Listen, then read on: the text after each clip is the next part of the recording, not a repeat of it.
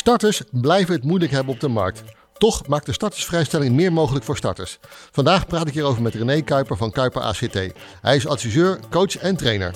Ik ben Paul Nijssen en dit is de ASC Hypotheekflits. Eén onderwerp in vijf minuten, speciaal voor financiële adviseurs. Welkom René, fijn om je weer hier te hebben en dat je ook kunt bijpraten over de startersvrijstelling. Ja, bedankt Paul. En het is goed om ook uh, weer te zijn hier. Het is fijn om de adviseurs op deze manier bij te praten, vind ik. Nou ja, laten we dan maar gelijk beginnen René. Wat zijn op dit moment de regels omtrent de startersvrijstelling? Ja, die belangrijkste regels hè, voor, voor de overdrachtsbelasting voor die starters, uh, dat is in ieder geval dat de verkrijger een natuurlijk persoon uh, moet zijn. En dat betekent een mens van vlees en bloed, uh, die tussen de 18 en 35 jaar oud is. En de woning, en dat is wel belangrijk, die wordt anders dan tijdelijk gebruikt als hoofdverblijf. Dus je moet er echt in, in gaan wonen zelf. En de startersvrijstelling is door jou nog niet eerder gebruikt. Nou, vanaf 1 april vorig jaar, 2021, is de maximale koopsom voor die woningen wel gesteld op een woningwaardegrens van 400.000 euro. Dus dat is belangrijk. En misschien wel belangrijk om te melden: het gebruik maken van de vrijstelling hoeft niet. Het is niet verplicht. Het is dus een ja, eigen keuze, zeg maar. Nou, en het laatste wat je nog wil vertellen: het moment van de verkrijging dus het moment dat je de akte passeert, die is van belang voor de datum uh, van wel of geen vrijstelling. Ja, nou ik denk René dat hiermee de adviseurs heel scherp hebben waar het in, in hoofdlijn om gaat. Zijn er nog zaken die mogelijk worden vergeten daarbij? Ja, ik hoor nog wel eens dat adviseurs niet op de hoogte zijn dat de, de taxatiewaarde ook meetelt voor die woningwaardegrens. Dus zowel de aankoopbedrag als de taxatiewaarde voor verbouw moet beide 4 ton of lager zijn. Mhm. En anders komen starters niet in aanmerking voor die vrijstelling. Nou ja, dat lijkt me inderdaad goed om te weten. En kun je ons daarnaast nog meer vertellen over de nieuwe regels met betrekking tot de aanhorigheden eh, bij de woning? Jazeker, Paul. Want adviseurs moeten inderdaad rekening houden dat aanhorigheden, ik, ik noem een voorbeeldje, een, uh, bijvoorbeeld een garagebox die net naast de woning zit, die uitsluitend als die onder het verlaagde tarief wil vallen, gelijktijdig met de woning moet worden verkregen. En natuurlijk moet die woning dan ook vallen onder de 0 of 2 procent. En er komt een belangrijke wijziging vanaf 1 januari 2022. Want dan wordt het bij een situatie waarbij er straks na 1 april 2021 een woning is aangekocht. Nou, voor een bedrag lager dan 4 ton.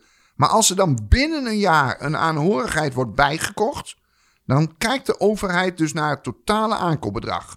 Plus de aanhorigheid die dus je iets later hebt aangekocht. En dan kan het maar zo zijn dat je over de 4 ton heen gaat. En dus alsnog 2% moet betalen over het hele bedrag. Ja, dan ben je in feite daarmee je vrijstelling kwijt. Ja, dat klopt. Ja, nou dat lijkt me duidelijk antwoord. Nee, ik denk dat adviseurs hierdoor wijzer zijn geworden. En ik wil graag een situatie schetsen die wellicht wel eens voorkomt.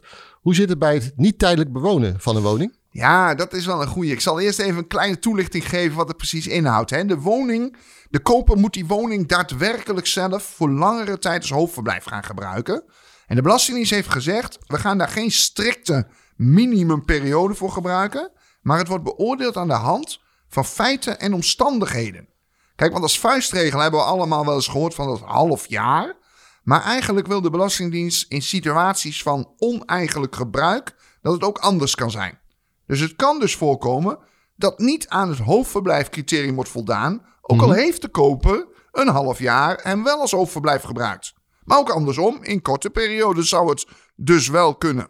Ja, begrijp ik er dan goed, René, dat je in feite zegt dat het je maar een beperkt aantal uitzonderingen voor gelden? Ja, dat klopt, ja. Want in die gezette situatie dat ik zei dat er een uitzondering is, heeft de Belastingdienst in een memorie van toelichting, zo heet dat dan, in het geval van onvoorziene omstandigheden, uh, een aantal omstandigheden genoemd wat als onvoorzien kan worden gezien. Bijvoorbeeld ja, duurzaam verloren gaan van de woning door een brand bijvoorbeeld.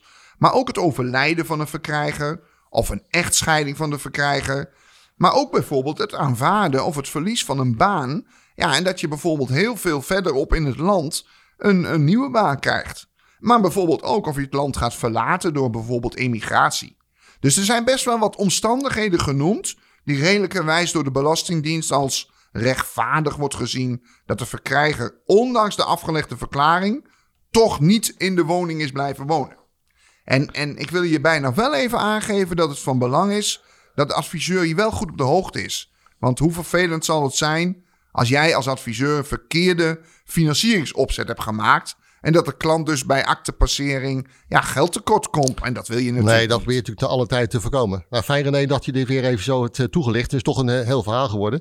Heb je tenslotte nog één tip voor adviseurs om up-to-date te blijven met de kennis? Ja, natuurlijk Paul. Want allereerst natuurlijk beluister wekelijks deze ASR hypotheekflitsen. In vijf minuten ben je toch weer op de hoogte. Maar daarnaast organiseren we samen, ik als persoontje samen met jullie als ASR, weer kennissessies en webinars. En dat doen we op dinsdag 15 maart, donderdag 14 april en dinsdag 17 mei. En allemaal met de PE-punten voor de SCH-adviseurs. René, ik wil je bedanken voor, eh, voor het bijpraten van, van deze eh, informatie. En ook de luisteraars bedanken voor het luisteren naar deze eh, podcast. Eh, wil je meer informatie over de onderwerpen? Klik dan op de link in de show note. Daar krijg je alle informatie. Dank voor het luisteren. Vind je deze podcast interessant? Abonneer je dan op de ASR Hypotheekflits. Dat doe je op de hoofdpagina van de podcast. Klik op abonneer of follow en je ontvangt automatisch een seintje als er een nieuwe aflevering is.